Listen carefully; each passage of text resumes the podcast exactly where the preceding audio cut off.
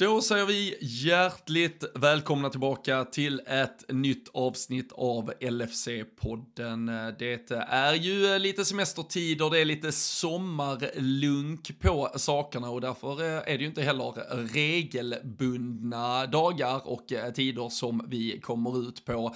Vi hoppades väl kanske när vi satt och pratade Alexis McAllister här för lite drygt två veckor sedan att det ganska snart skulle vara anledning att återkomma den gången för den som minns eh, så var det bland annat väldigt intensiva rykten kring eh, Kefren Turam. Det var lite privatjets som flög mellan Nice och Blackpool bland annat och eh, vi får väl se, det är ju ett rykte som verkligen eh, fortsatt lever och frodas. Han spelar ju just nu U21-EM med Frankrike, men det har väl de senaste dagarna även intensifierats andra rykten. Och eh, ja, men vi tar väl det här som en liten sån där sillikoll och eh, sen så har det också börjat brisera ganska stora grejer i våra konkurrenter och eh, ja, men i deras lagbyggen inför säsongen. Så det blir väl att vi eh, svingar lite hej vilt, vi eh, ger väl lite tankar och eh, tyckanden kring vad andra klubbar har sysslat med. Och eh, så fokuserar vi såklart väldigt, väldigt mycket på vad som händer i de egna leden och eh, vilka spelare vi helst hade velat se i den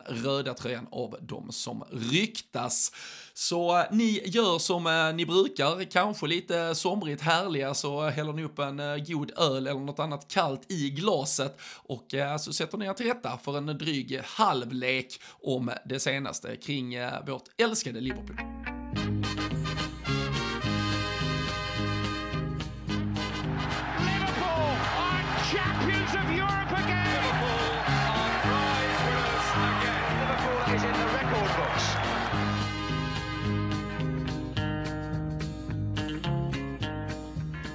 Och som vanligt så gör ni det tillsammans med eh, undertecknad här Robin Bylund och från eh, Borås, Sveriges, är det somrigaste och soligaste stad kanske, Daniel Forsell? Ja, just nu är det ett litet eh, dipp i kurvan lite som Liverpools eh, transfer... Eh, lite som transferkommittén och Damien Comolli jobbar just nu om de nu skulle varit kvar. För det har ju... Det har ju varit tyst. Det är ju skönt att vi kommer tillbaka till det här formatet. Men det har ju...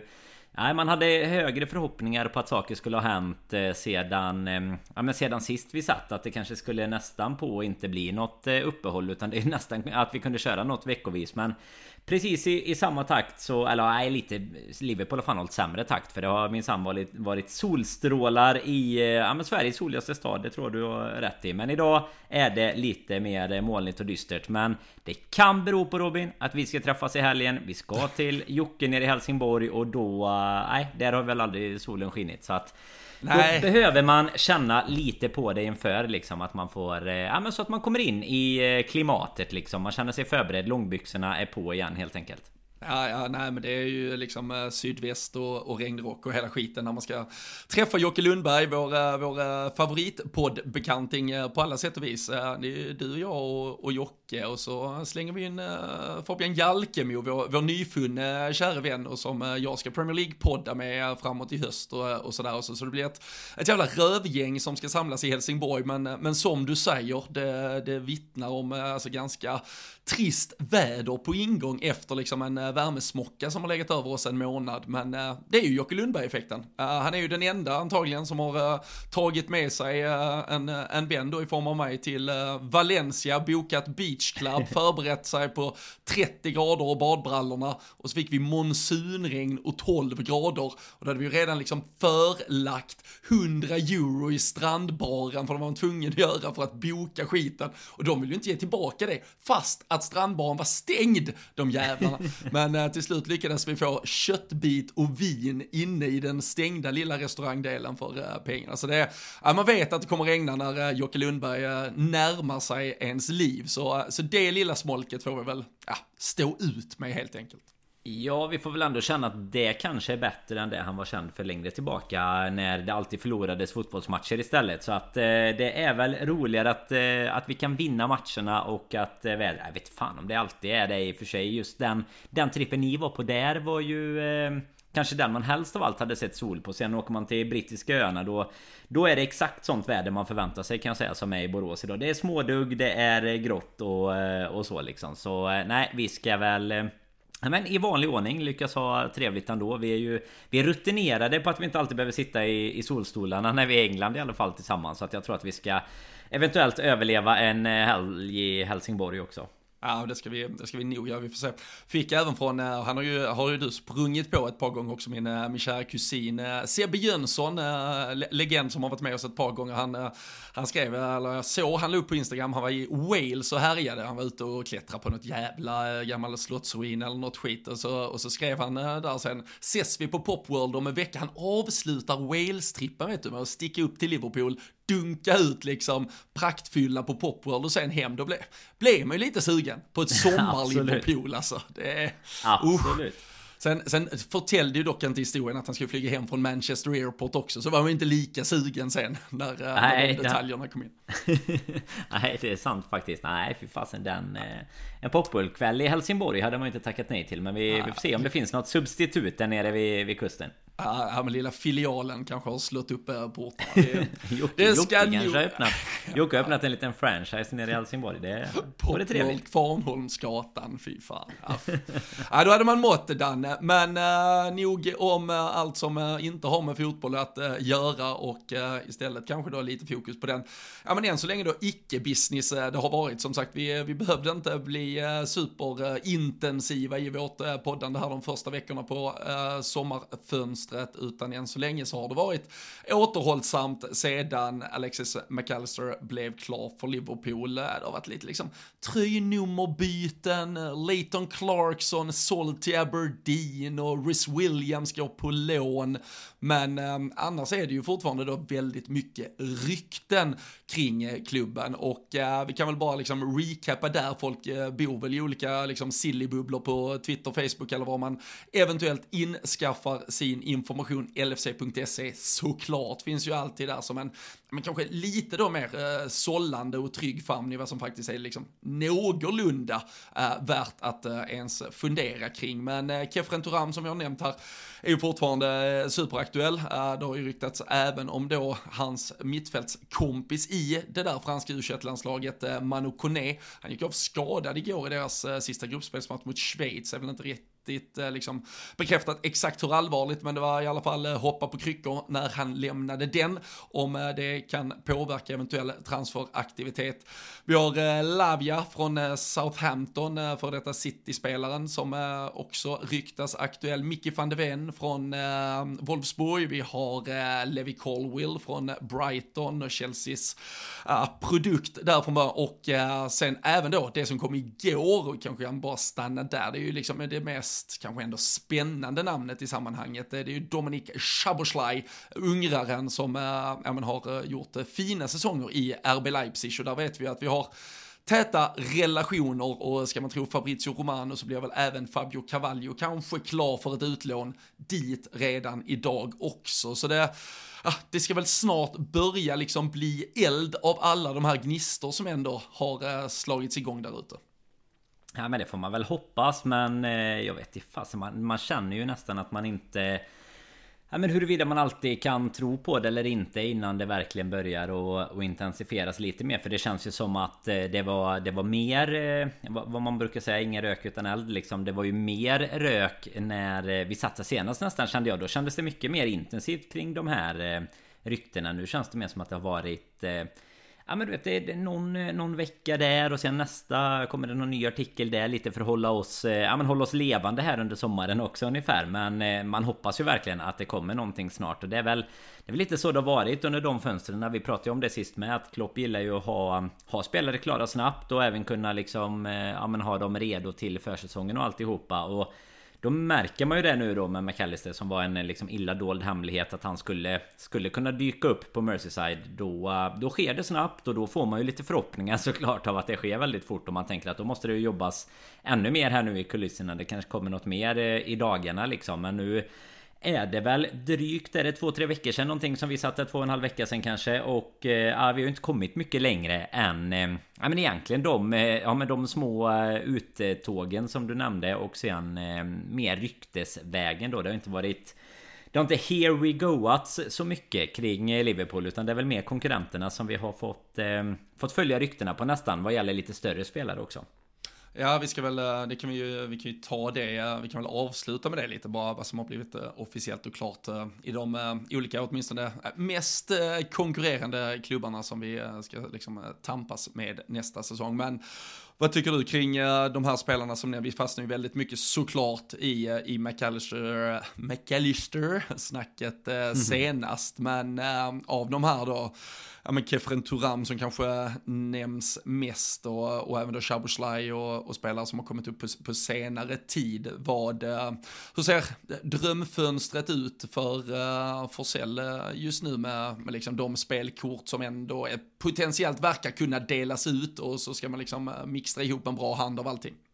Nej men alltså egentligen den, den som har varit mycket snack kring det från början egentligen och fortfarande är som du säger med Catherine Turam där är ju att det, där har man väl känt en en förhoppning och en som man också har, alltså som, som vi har sagt innan Många av spelarna har man ju mer namnet och eh, highlights på än vad man har liksom följt de 38 matcher per säsong så att de man väl har fått se lite mer av är klart att man blir spänd på bara för att man vet att eh, ja men det är liksom prospects som ändå har eh, tagit en en ganska perfekt typ eh, Alltså en, en typ av en klopper. Men de har tagit ett steg redan i en relativt stor liga liksom De har eh, visat sig på den lite större scenen och nu handlar det om att ta Ytterligare ett kliv i så fall för att komma till oss Men sen också då eh, Ibland då så är det ju faktiskt så att vi tyvärr även hur, hur högt vi än står i hierarkin Så är det ju lite som med med Salah, Mané och allihopa så har vi, har vi liksom tagit dem från lite mindre ställen till större när de eh, sedan eventuellt försvinner då. Och det är väl Framförallt kanske Turam man har varit mycket sugen på i det läget. Jag vet inte, har du någon annan av dem som har börjat florera nu i det sista som du känner är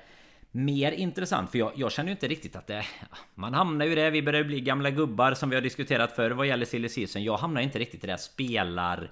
Du vet att man säger jag, jag vill ha just den spelaren om inte det är typ det, det, var det väl kanske kring typ Bellingham då Men annars känner jag mer att så här Jag vill ha den positionen eller det är där vi behöver bygga på med någonting. Sen kan det inte bara vara någonting random precis vad som helst. Men att man snarare ser framförallt nu då har vi haft mittfältet liksom. Att okej, okay, bygger vi mittfältare oavsett hur mycket jag har sett av spelaren eller inte så känner jag att det är välkommet för att konkurrensen behövs och vi behöver även Alltså både konkurrensen i laget men vi behöver även Ja men typ som McAllister en spelare som man tänker ska Ska vara startspelare framåt också Men vad är det någon av de eh, andra som eh, florerar som du känner är lite extra Extra spännande?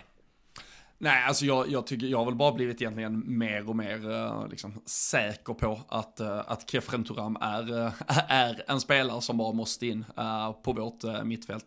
nu har jag sett han en del här under uh, U21-EM och uh, ja, men ändå, man, man, har ju fått sin tid. Alltså, jag, jag, jag tror inte jag hade gett en uh, nykter uh, analys på dem det hade blivit klart där fem timmar efter vi avslutade senaste avsnittet. men, men nu har man ändå kunnat ja, men sitta och bearbeta den potentiella affären av honom och och det, och det framstår ju mer och mer som alltså, en spelare klippt och skuren. Alltså den, eh, den mm. powern, alltså, jag, mm, alltså, av att ha sett honom så ser man att han har så att säga eh, presence och att han är, han är stor. Men jag, jag hade nästan inte insett hur stor han är. Alltså det är ju en kille på 1,92 och det är ju ett, ja, men ett fysiskt jävla eh, praktmonster liksom som eh, mycket väl kan både alltså, spela igen om vi säger en, en box-to-box-roll eller också sitta lite djupare om det behövs beroende på hur vi nu ska formera allt detta när vi ska invertera uh, liksom uh, Trent till fullo. Han har ju sedan vi spelade in podd senast också fått uh, excellera då i en, ja men både nästan nummer 10-roll men framförallt med mm. tröja nummer 10 för England och vad fan, han landade väl på ett mål och två eller tre assist på två matcher. Visserligen mm. mot uh, jävligt beskedligt motstånd. Det är ju faktiskt helt sjukt att England alltid möter Malta och Nordkorea, eller Nordkorea, otroligt sjukt. Nord, Nordmakedonien i, alltså alltid när man tittar, vem har England mött idag? Ja, men det var Nordmakedonien igen, det blev 7-0. Varje gång, varje känns jävla det inte som med svenska, Känns det inte som med svenska landslaget också? Typ att men vi möter ju alltid ett lag som är halvdassigt men som ja, ändå ja. förlorar mot. Vi möter Österrike och förlorar, sen möter vi väl jo, men det är de jag menar som förlorar ändå, och så möter Exakt. vi... Jag tänker att man tar från samma, från samma liksom bracket på något sätt. Att du, du har liksom, vi möter Schweiz och Polen och Österrike och så. Alltså, den, ja. det, alltså in, inte att vi alltid möter ett dåligt lag om man säger så. Utan snarare att man så här, det känns som att man alltid möter samma lag. Och, och står det då Schweiz eller Österrike på så Ja, det är ändå så här, det, det, känns som att det kommer bli 0-0 eller en 1-0 förlust liksom. Och precis som du är inne på så är det ju alltid England och man blir så oh shit nu är de nog på riktigt liksom. De vinner ju här med 7-0 och 8-0 och så bara just det, det var mot Det var mot San Marino och eh, Vatikanstaten typ som ställde upp med påven och, och två gubbar till som eh, jobbar inom kyrkan ja, bara. Harry, Harry Kane sätter något landslagsrekord för att han rullar ja. in en straff igen i uh, 73 liksom. Det, äh, det är så jävla deppigt. Men uh, Nej, vi, uh, vi, vi, får väl se vad det blir av dem. Men, men det var ju allt tydligare i alla fall att ja, men Garrett Southgate som var väl liksom den, han har stått längst fram i liksom högaffelledet för mm. att få trycka dit Trent Alexander-Arnold och hans försvarsspel nu då kunde ändå mötas halvvägs med, med de som är pro eh, Alexander Arnold och, eh, och hitta den här lösningen. Och det, det funkar ju åtminstone väldigt bra mot eh, den här typen av motstånd. Och i ett, i ett Liverpool då inför nästa säsong där eh, Trent kanske också kommer få en mycket mer framskjuten roll så, så tror jag just att den här fysiken och eh, alltså löpstyrkan som eh, Turam kan bidra med kommer att kunna frigöra Trent väldigt mycket. Så det, ehm, ja men allt, allt mer bara så här gör mig helt, helt övertygad om att eh, han bara måste in. Eh, och jag tror också att så kommer bli fallet. Jag tycker att alla rapporter eh, talar så extremt tydligt åt det hållet.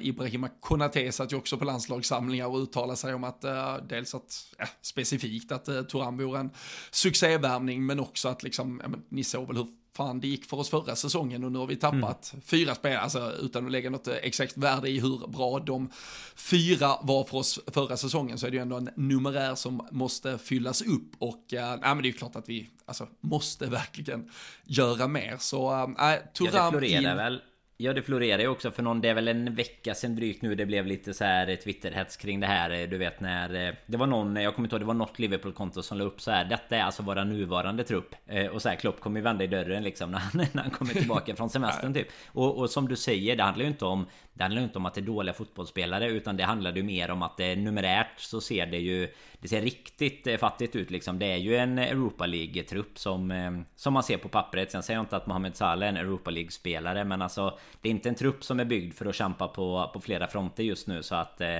Att någonting måste hända det, det tror jag inte det finns någon egentligen som Ja, men som inte tycker, som har eh, någon sorts kopplingar till Liverpool. Det är möjligtvis någon, eh, någon eh, Evertonian i, på Merseyside som hoppas att det inte händer någonting och att Men de har sina bekymmer som vi har diskuterat hela säsongen Så att jag menar vi, vi vet ju att vi måste få in spelare Sen får vi väl bara hoppas att vi kan få det från något av de översta facken i alla fall så att det inte bara blir eh, utfyllnadstruppspelare om man säger så då. Ja, äh, sen är det väl eh, det, det, det enda som oroar en, eh, jag såg äh, ja, men Paul Joyce, äh, han, han twittrar ju inte mycket, men äh, han, är, han är ändå en av de äh, få jag har på lite så här notis, för det brukar ju vara att då är det ju typ två minuter tills saker och ting blir officiella, så, så jag har ändå han på, på en äh, Twitter-notis om han skickar ut något, så, så kom det för någon dag sedan här, om det var i förrgår eller någonting, ja men Paul Joyce någonting, så går man in, men då var det ju bara att han hade retweetat någonting, och då var det ju någon sån här jävla opta-gubbe kring hur ja, men Liverpools eh, eh, homeground-kvot och, och så vidare, att det är lite problematiskt. Så då känner jag så här, börjar vi nu se försvarstalet från, eh, alltså så här, har FSG börjat jobba nu kring varför vi inte kan värva någon? Vi har kvoter som måste ses över innan vi kan göra någonting. Uh, vi vet ju att uh, Joyce och Pierce och gänget är ju bara en del av ett jävla maskineri där det liksom mm. twittras och det liksom skrivs kring saker och ting som klubben tycker är jättetrevliga att det skrivs om. Men,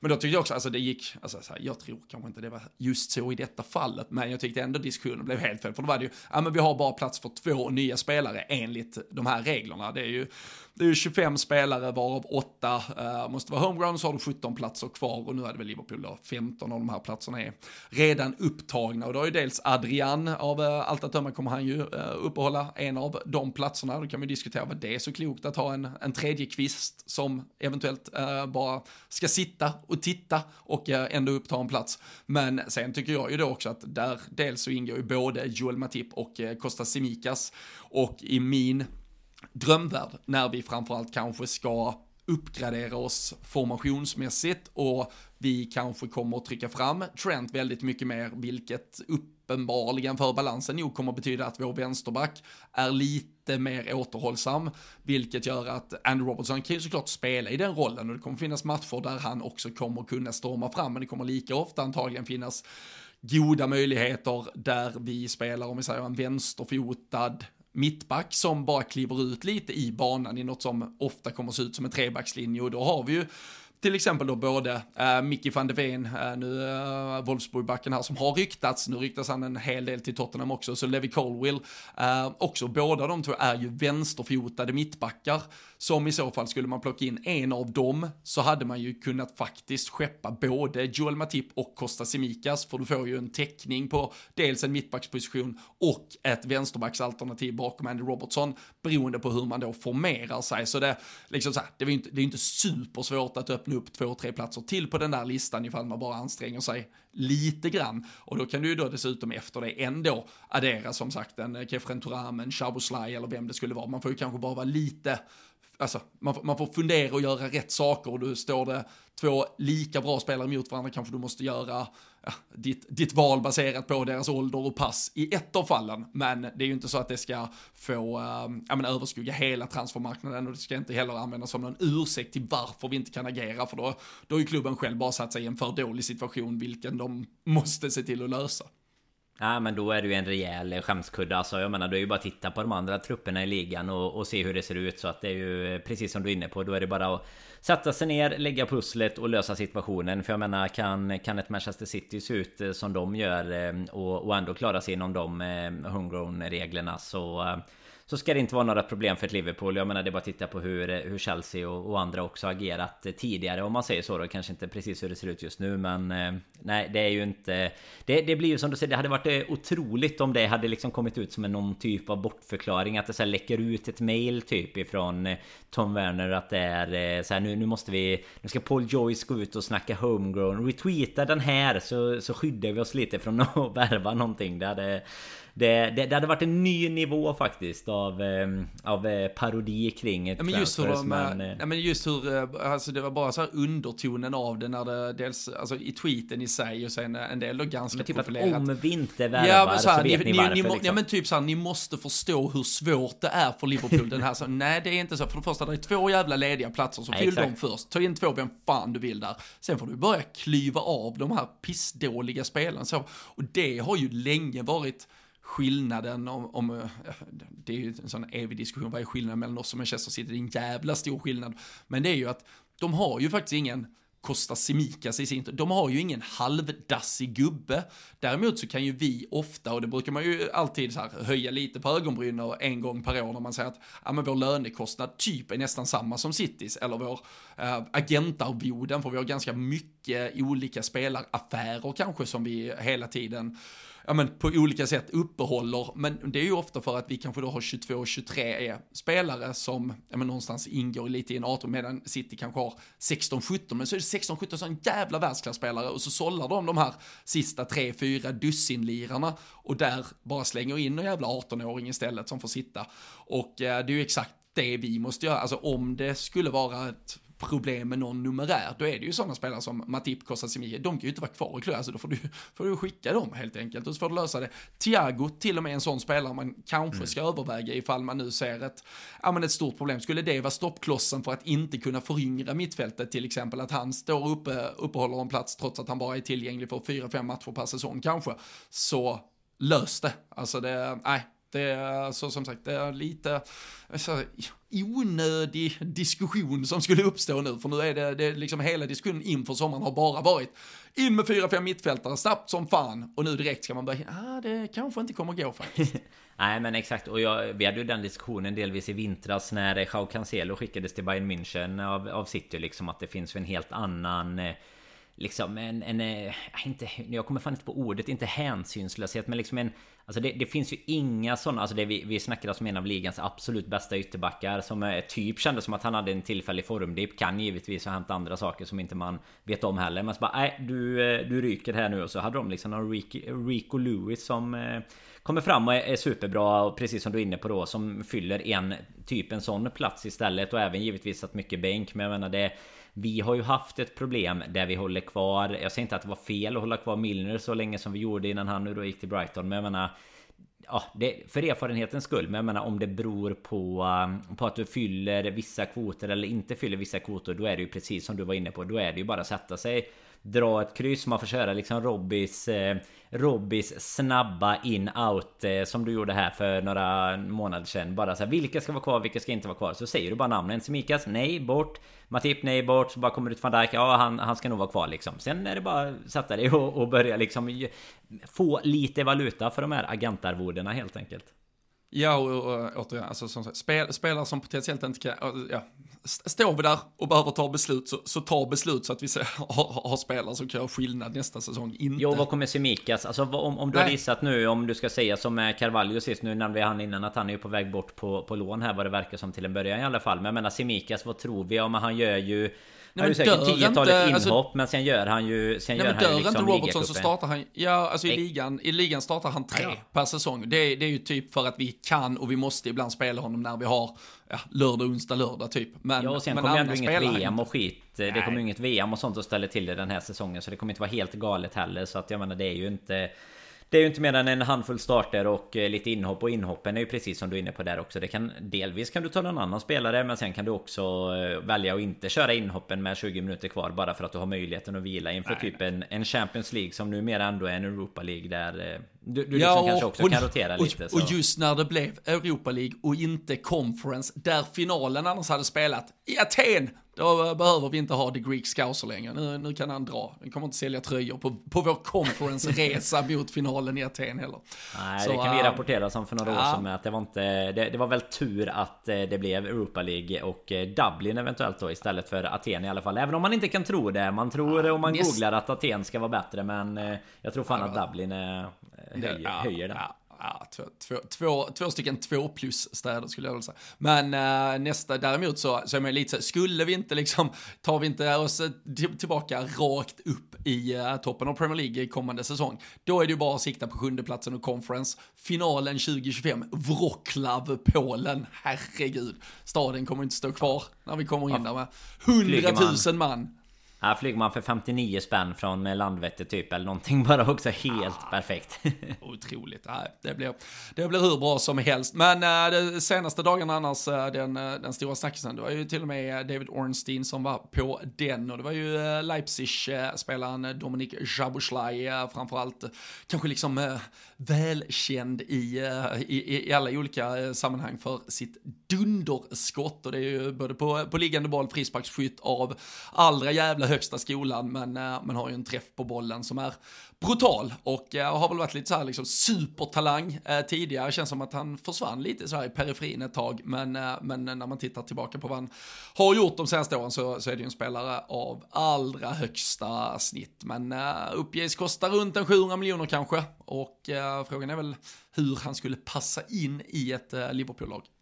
Mm, nej men absolut och sen är det ju Tyvärr har det, är det väl så att man känner själv att eh, prislappen hela tiden är ett eh, bekymmer för oss men eh, inte för många andra utan Det är väl det som också gör att man känner att man, man, man vågar inte riktigt drömma eller hoppas innan man ehm, närmar sig lite mer. Men som du säger ändå lite mer initierade journalister som ehm, som rapporterar om det. Så att man sa ju det innan ingen rök utan eld så man får väl hoppas att det, att det brinner lite någon jäkla stans i alla fall nu. För att jag menar nu är det snart ändå dags att gå igång igen för dem eh, och eh, ja, som jag nämnde innan Klopp har ju alltid varit ganska tydlig med det att han vill ju ha in spelare relativt tidigt för att också kunna forma inför säsongen. Nu blir det ju jävligt spännande att se oss här sen med vad gäller just formationen som vi ändå körde Ja men typ sista, sista halvan eller om det var sista månaderna drygt då som eh, med, med Trent i lite mer uppskjuten roll och den här trebackslinjen då så att ja, vi vi hoppas väl att det ska hända något snart. Jag vet inte. Vad, vad, vad, skulle du ge det för chanser att vi liksom sitter med ett transferavsnitt här ganska snart? Eller är det... Blir det så här måndags, måndagsavsnitten i lunken och, och snacka träningsmatcher mot Tranmere istället? Lite Englands resultat? Det blir ju fan oh, inte ens de resultaten. Det blir ju så här 1-0 och så får man ta fram någon. Det är ju en 17-åring här som ser ja, otrolig Bobby, ut. Bobby Clark har fått några minuter ben, i benen. Är... Ben, ben, Woodburn är tillbaka. ja, fy fan. Ja, då, då är det bara att stänga av direkt i alla fall. Ja, visst är det men, han är lika äh, gammal alltså, som en själv. ja, ja, men typ. Uh, ja, men Chaboslaj faktiskt uh, omvänt lite Ben Woodburn. En som uh, åtminstone för min del lurade mig lite på, på andra sidan med åldern. För jag tycker alltså det är väl måste varit en fyra, fem år sedan man, man såg honom slå igenom. Men, men är ju fortfarande bara 22 år, faktiskt fyller 23 i höst och mm. hade sex mål och åtta assist på, på 31 matcher för, för Leipzig förra säsongen. Och alltså det som talar emot för mig, det är ju att han är Alltså visst, han kanske utgår mest centralt som en tia, kan ju även spela både vänster och höger i någon form av offensiv tri triangel, men Alltså, det, det är väl återigen lite alltså, hur, hur Klopp ska bygga om det här uh, och, och, skapa sitt Liverpool 2.0. Men, men en klassisk, om vi säger offensiv mittfältare har han ju nästan aldrig använt sig av. Alltså Nej. den senaste, men det krävdes ju ändå mycket mer. Det var ju mer att han var otroligt edgy i allt han gjorde offensivt. Det var ju Coutinho, men han spelade ju mycket mer som en åtta egentligen. Alltså han hade ju mycket mer ja, men defensivt ansvar också än vad han, ja, än vad man kanske diskuterade. Alltså just i, i det Liverpool-laget han avslutade tiden i, där vi ändå hade en fronttrio framför honom. Uh, och sen har han ju spelat i olika positioner för oss, men, men Schaboslaj är ju mer en ja, men tydlig tia uh, som ska ja, spelas som en spets på ett, på ett mittfält eller i en 4-2-3-1 och det, mm. ja, vi, det har vi ju inte riktigt haft tidigare och, och ska du dessutom ha Alexis McAllister, ska du ha Schaboslaj på ett mittfält, det, det blir ganska offensivt. Vi, vi ska ju prata andra lag, jag såg någon som skickade ut hur jävla ostoppbara Arsenal skulle bli nu när de skulle spela 4-3-3 mm. med ett tremanna mittfält där. Declan Rice visserligen eh, stod för någon form av balans, men sen skulle det vara Martin Ödegård och eh, Kai Havertz på det där mittfältet. Och det, det är ju lite som att ställa ut typ Fabinho och sen ha Alexis, Eh, Alexis McAllister och eh, uh, Shabazz framför. Det blir nog lite för offensivt, men eh, alltså det här är ju en spelare som kan man lösa honom och det inte förstör för många andra potentiella affärer så är det ju en supervärvning vi såklart måste titta närmare på. Men ja, det, det, det, är ju i alla fall, det är ju nog minst två affärer jag hellre hade gjort först för att säkra mig att vi får in spelare på mer akuta positioner. Ja men så skulle jag nog, eh, det skulle jag instämma i just för att eh, det är lite, alltså den, den stora frågan är ju som du säger hur ska vi i så fall formera laget i stort sett. Jag menar för, för att bygga kring en... Alltså nu har ju, nu har ju i och för sig då McAllister redan eh, snott eh, tian där. Men att bygga runt en nummer 10 annars, den klassiska 10 positionen. Det är ju lite som du var inne på där. Det gör vi ju... Det gör vi ju egentligen inte utan det hade ju varit i, innan Klopp började med den formationen och inverterade ytterbackar som vi har kört nu. Då har det ju varit en, en hel del kanske ja, men tester och framförallt snack om, eh, om 4-2-3-1 då när, när Bobby var, fortfarande var aktuell för en... Eh, ja men att bygga liksom lite laget kring honom på en 10 position Att han hade kunnat falla ner där och ha Darwin framför till exempel. Men jag håller väl med om att det hade varit en, en otrolig värvning men att det kanske finns Alltså det, där är det ju mer, där kommer vi mer till det namnmässiga. Så att, eller spelare individuellt att du känner att det är så här, Får du chansen så behöver du nästan ta den. Men samtidigt kan vi liksom man tror ju i alla fall det kring oss och kring FSG att det hade förstört lite för mycket budgetmässigt för att vi eventuellt ska kunna lösa två Kanske bara ett litet pinnhål ner i, eh, i kvalitet men som kan liksom explodera och eh, ja, men, tangera eller till och med gå om liksom i, i kvalitet längre fram. Och det är väl de affärerna vi hellre gör känns det som oftast men också de som kanske hade passat bättre för för laget och för formationen. Så att eh, nej, det återstår väl att se. Någon liten bomb skulle vi ju fan må, må bra av ganska snart i alla fall.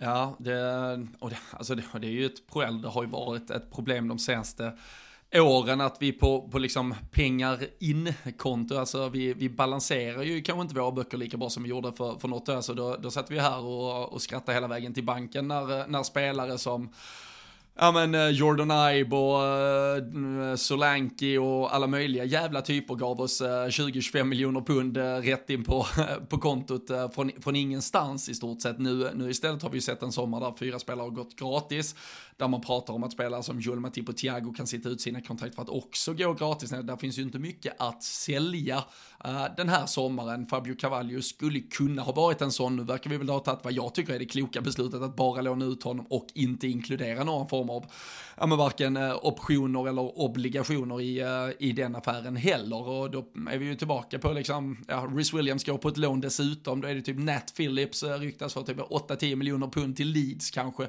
Det är ju pengarna in och eh, då är ju frågan hur, hur djup den här krigskassan eh, är och var inför eh, sommaren. Eh, vi, vi vet och vi har pratat till, liksom, till döds av hur underinvesterat det kanske har varit framförallt på det där mittfältet förr och om det kanske ligger pengar som om man säger, har, har flyttats från tidigare transferfönster fram tills nu. Men att Liverpool efter McAllister, om vi då gör den värvningen eller har gjort den värvningen, bokar in de pengarna, skulle göra typ en Chaboslaj-värvning som är lite av en lyxvärvning och redan där då med den värvningen passerar vi ju miljarden spenderat den här sommaren, att det skulle finnas utrymme för. Vad som jag ser är ett behov av minst två spelare till, där jag helst kanske skulle vilja se tre spelare till, två till mittfältet och en till backlinjen då, då ska vi ju upp och nettospendera typ 200 miljarder. Uh, eller 200 miljarder, nu är det mycket, nu är det mycket Sverigedemokrat som räknar siffror i riksdagen här. Uh, 40 000 men, miljarder blir det. Ja, uh, var bara för att jag läste någon, uh, någon nyhet i morse, eller det var väl igår, kring uh, Hexatronic som hade slutit något avtal. Då hade, stod det 32 miljoner dollar, motsvarande 450 miljarder svenska kronor. Det var, det var också snabb översatt. Men, äh, men att vi skulle... har det tufft. Ja, det, det, har den ju visserligen. Så det, man var ju tvungen att dubbelkolla. Har det nu gubbarna nu sabbat allting och vi är, vi är lilla Rumänien här igen. Men äh, nej, det, så illa är det inte äh, än så länge. Men att att vi skulle spendera två miljarder netto på en sommar, det, det, det, har jag svårt att se. Är vi beredda att göra det så fine, ta in Shabuslaj, men, men annars vad som då kanske är det man trodde typ runt miljarden. Det pratades ju hela tiden om att vi får dra oss ur Bellingham för att istället lägga det på två, tre spelare. Och eh, om vi då var beredda att lägga kanske 1,2, 1,3, då är det ju mycket mer rimligt att de pengarna ska delas på typ en mittback eventuellt, Kefren Turam och sen en mittfältare till, än att eh, det ska in en sån här lyxvärvning också. Ja men absolut, vi får väl, ska vi hålla oss på ekonomispåret får vi väl säga att vi får hoppas att eh, krigskassan har legat på något högräntekonto här så kanske vi har, eh, och inte i säcken helt enkelt då utan eh, att det ligger i, i pund eller i euro så då ja, det, kanske vi kan det, göra någon lite eh, värvning från den lite övre hyllan istället. Ja, men det är fan om, det har legat med en 5% ränta eller någonting under tiden.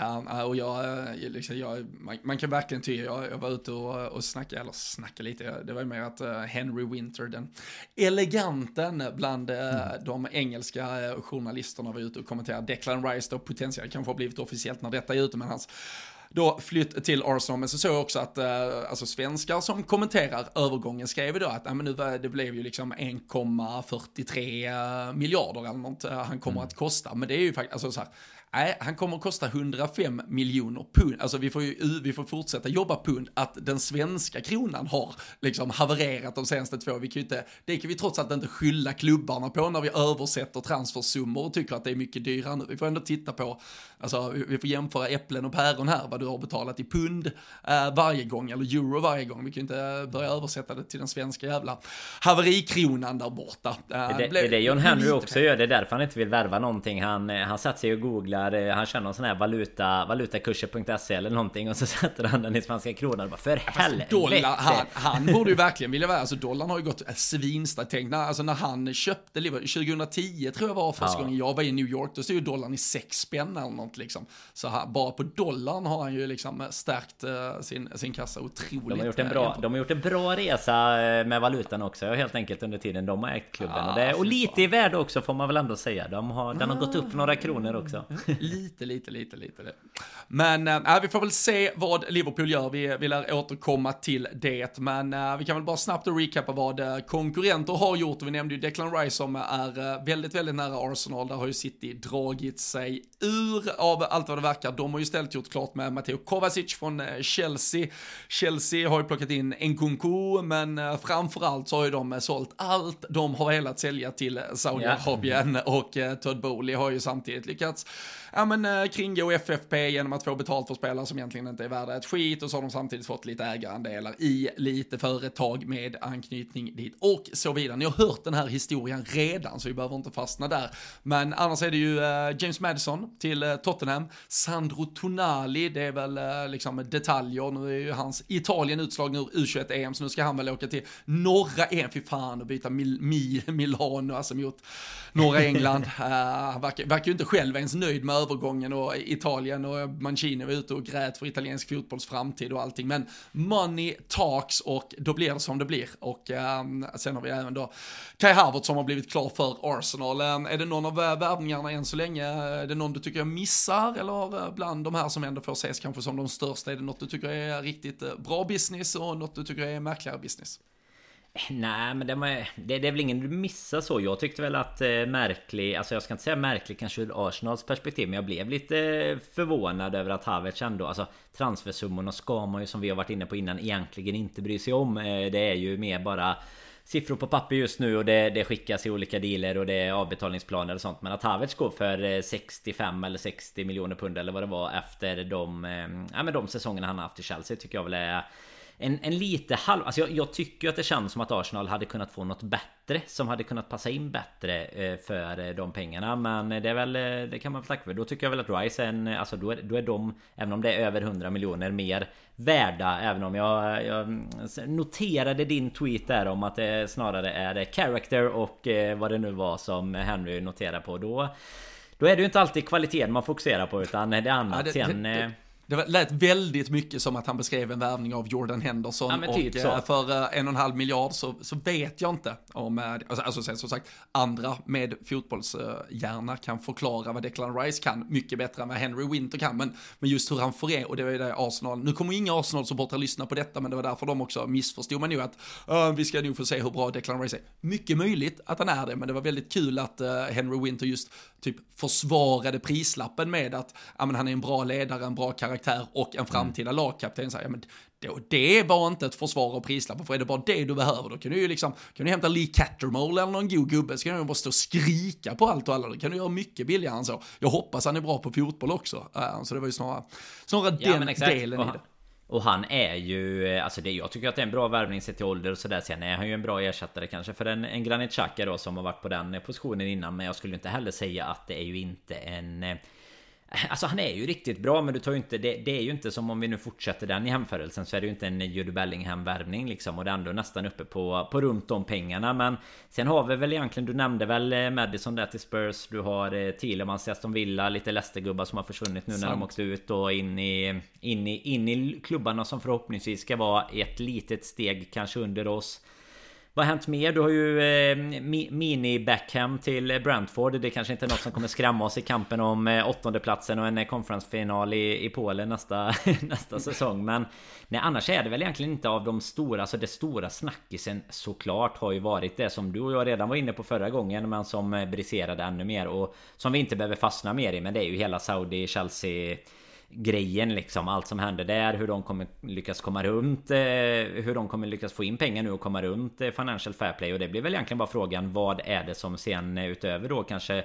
en Kunko kommer, eh, ja, men kommer in av, eh, av ännu större namn helt enkelt. Det blir väl lite det man väntar på. För dessutom med den säsongen som de hade. Nu har du Pochettino in såklart, ny tränare, vill sätta sin prägel och sen kom de väl 12 va? Till slut eh, Var vi ja. väl överens om. Så att jag menar det är ju klart att eh, de eh, Och det gjorde de ju till trots för att ha värvat så mycket som de faktiskt gjorde även säsongen innan.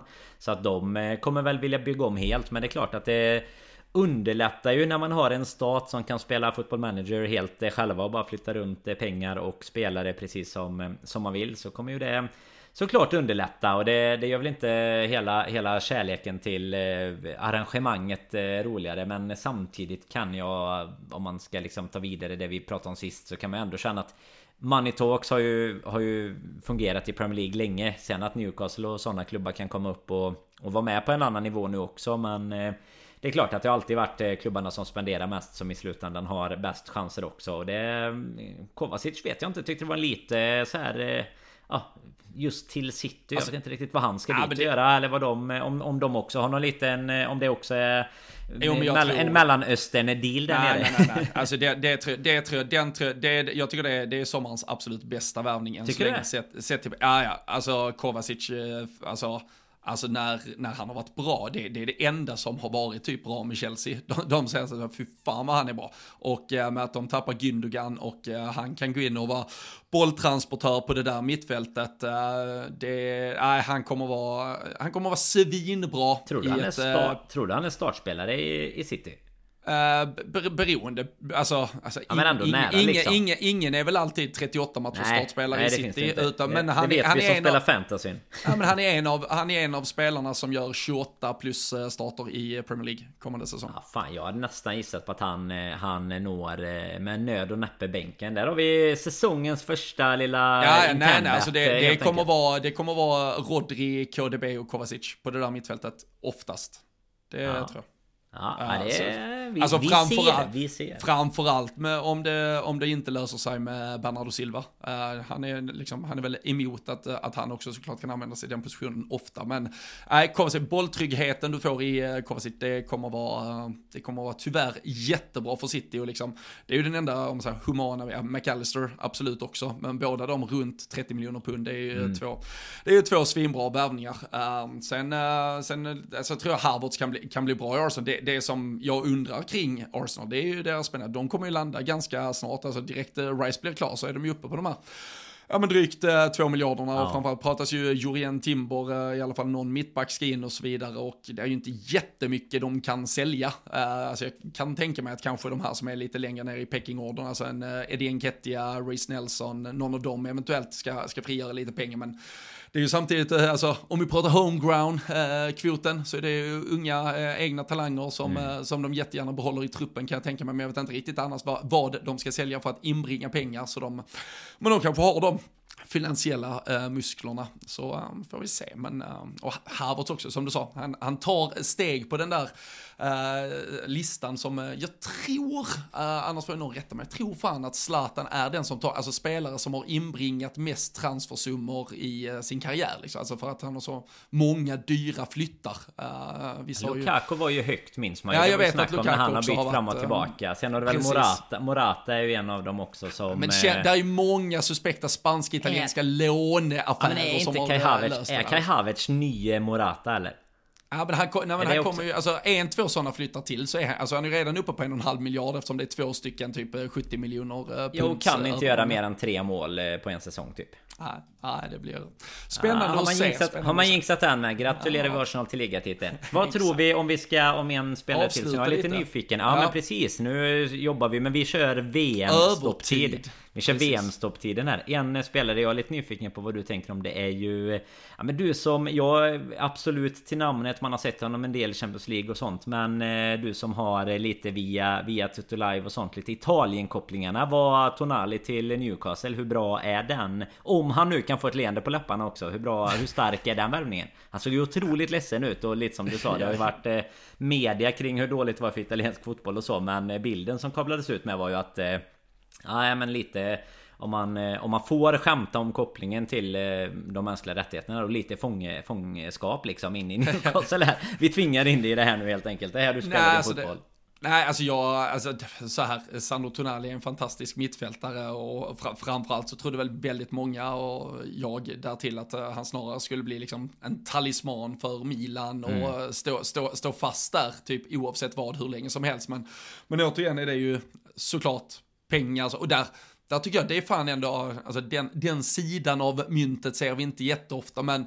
men just att vi tycker att spelare, vilka jävla så Coutinho, går vi tillbaka till när han stack till Barcelona och så här. Jo, men alltså klubbarna är ju lika stora, så alltså här får Milan då ett monsterbud från från Newcastle och då tar man det och då tvingar Ja. man ju faktiskt Tonali bara säga, nej vet du vad Tonali, vi behöver pengarna så du får stick. Alltså de har ju, det, det är ju, alltså ett kontrakt är ju ingått mellan två parter på någonstans får man ju ändå uh, utgå från. Lika villkor, båda har ju accepterat läget och jag tycker alltid det blir fel när man alltid tycker att spelaren är ett jävla svin som lämnar, alltså klubbarna är ju inte, de är ju inte sena med att ta beslut som är i deras intresse direkt eh, de får chansen att göra det. Så sen det som talar emot Tonali är ju såklart att vem var den senaste italienaren som lyckades i Premier League? Är det, är det Sola på slutet av 90-talet eller mitten av 90-talet typ i Chelsea?